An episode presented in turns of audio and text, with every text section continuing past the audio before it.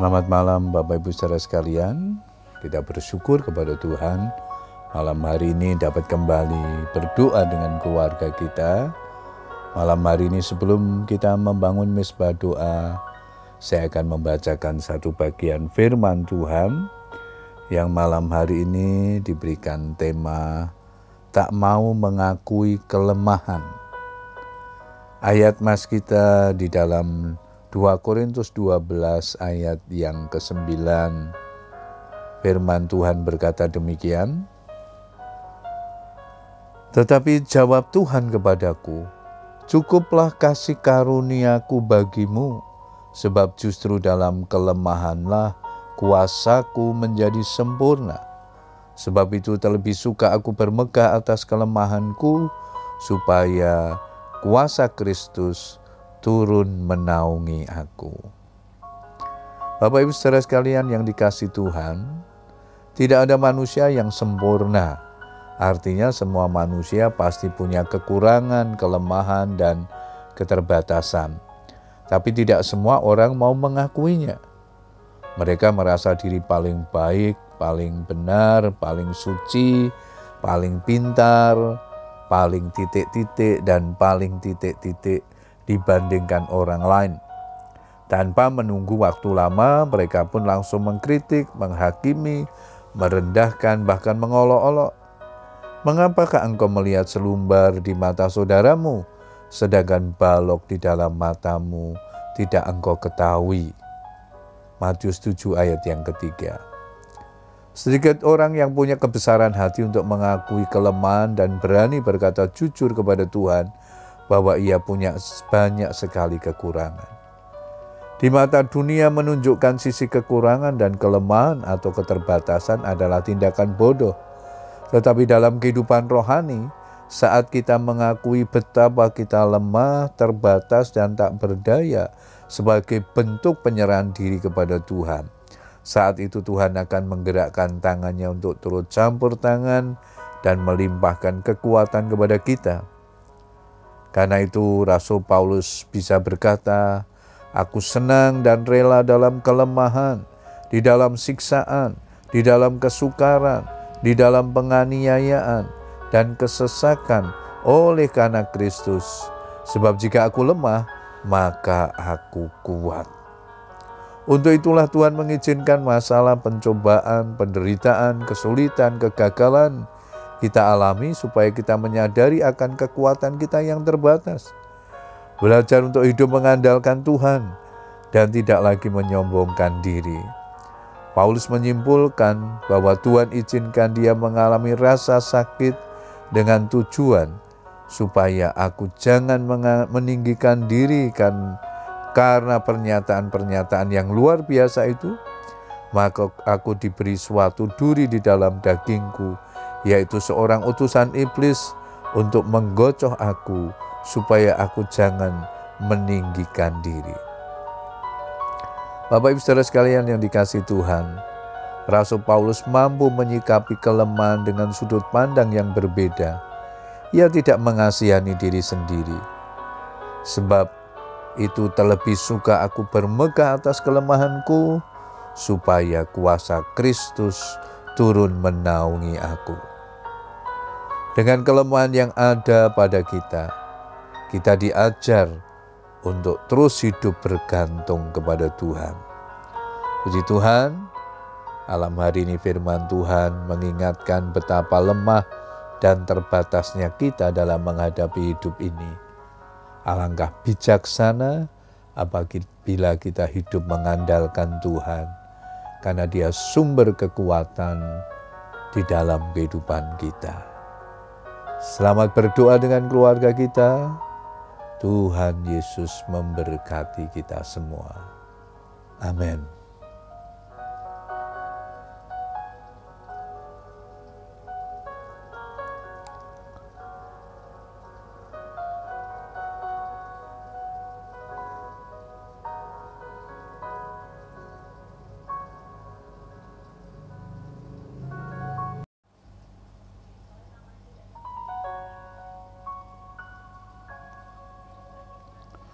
Selamat malam Bapak Ibu saudara sekalian. Kita bersyukur kepada Tuhan malam hari ini dapat kembali berdoa dengan keluarga kita. Malam hari ini sebelum kita membangun mesbah doa, saya akan membacakan satu bagian firman Tuhan yang malam hari ini diberikan tema tak mau mengakui kelemahan. Ayat mas kita di dalam 2 Korintus 12 ayat yang ke-9 firman Tuhan berkata demikian Tetapi jawab Tuhan kepadaku Cukuplah kasih karuniaku bagimu sebab justru dalam kelemahanlah kuasaku menjadi sempurna.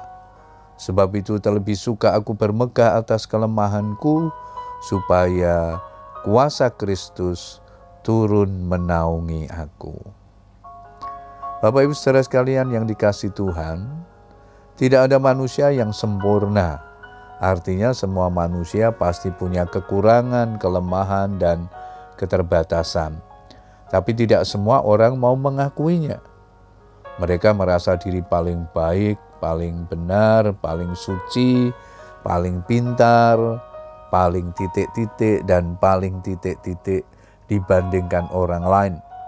Tanpa menunggu waktu lama, mereka pun langsung mengkritik, menghakimi, merendahkan, bahkan mengolok-olok. Mengapakah engkau melihat selumbar di mata saudaramu, sedangkan balok di dalam matamu tidak engkau ketahui? Matius 7 ayat yang ketiga. Sedikit orang yang punya kebesaran hati untuk mengakui kelemahan dan berani berkata jujur kepada Tuhan, bahwa ia punya banyak sekali kekurangan. Di mata dunia menunjukkan sisi kekurangan dan kelemahan atau keterbatasan adalah tindakan bodoh. Tetapi dalam kehidupan rohani, saat kita mengakui betapa kita lemah, terbatas, dan tak berdaya sebagai bentuk penyerahan diri kepada Tuhan, saat itu Tuhan akan menggerakkan tangannya untuk turut campur tangan dan melimpahkan kekuatan kepada kita karena itu Rasul Paulus bisa berkata, Aku senang dan rela dalam kelemahan, di dalam siksaan, di dalam kesukaran, di dalam penganiayaan, dan kesesakan oleh karena Kristus. Sebab jika aku lemah, maka aku kuat. Untuk itulah Tuhan mengizinkan masalah pencobaan, penderitaan, kesulitan, kegagalan, kita alami supaya kita menyadari akan kekuatan kita yang terbatas. Belajar untuk hidup mengandalkan Tuhan dan tidak lagi menyombongkan diri. Paulus menyimpulkan bahwa Tuhan izinkan dia mengalami rasa sakit dengan tujuan supaya aku jangan meninggikan diri kan karena pernyataan-pernyataan yang luar biasa itu maka aku diberi suatu duri di dalam dagingku yaitu seorang utusan iblis untuk menggocoh aku supaya aku jangan meninggikan diri. Bapak Ibu Saudara sekalian yang dikasih Tuhan, Rasul Paulus mampu menyikapi kelemahan dengan sudut pandang yang berbeda. Ia tidak mengasihani diri sendiri. Sebab itu terlebih suka aku bermegah atas kelemahanku, supaya kuasa Kristus turun menaungi aku. Dengan kelemahan yang ada pada kita, kita diajar untuk terus hidup bergantung kepada Tuhan. Puji Tuhan, alam hari ini firman Tuhan mengingatkan betapa lemah dan terbatasnya kita dalam menghadapi hidup ini. Alangkah bijaksana apabila kita hidup mengandalkan Tuhan, karena Dia sumber kekuatan di dalam kehidupan kita. Selamat berdoa dengan keluarga kita. Tuhan Yesus memberkati kita semua. Amin.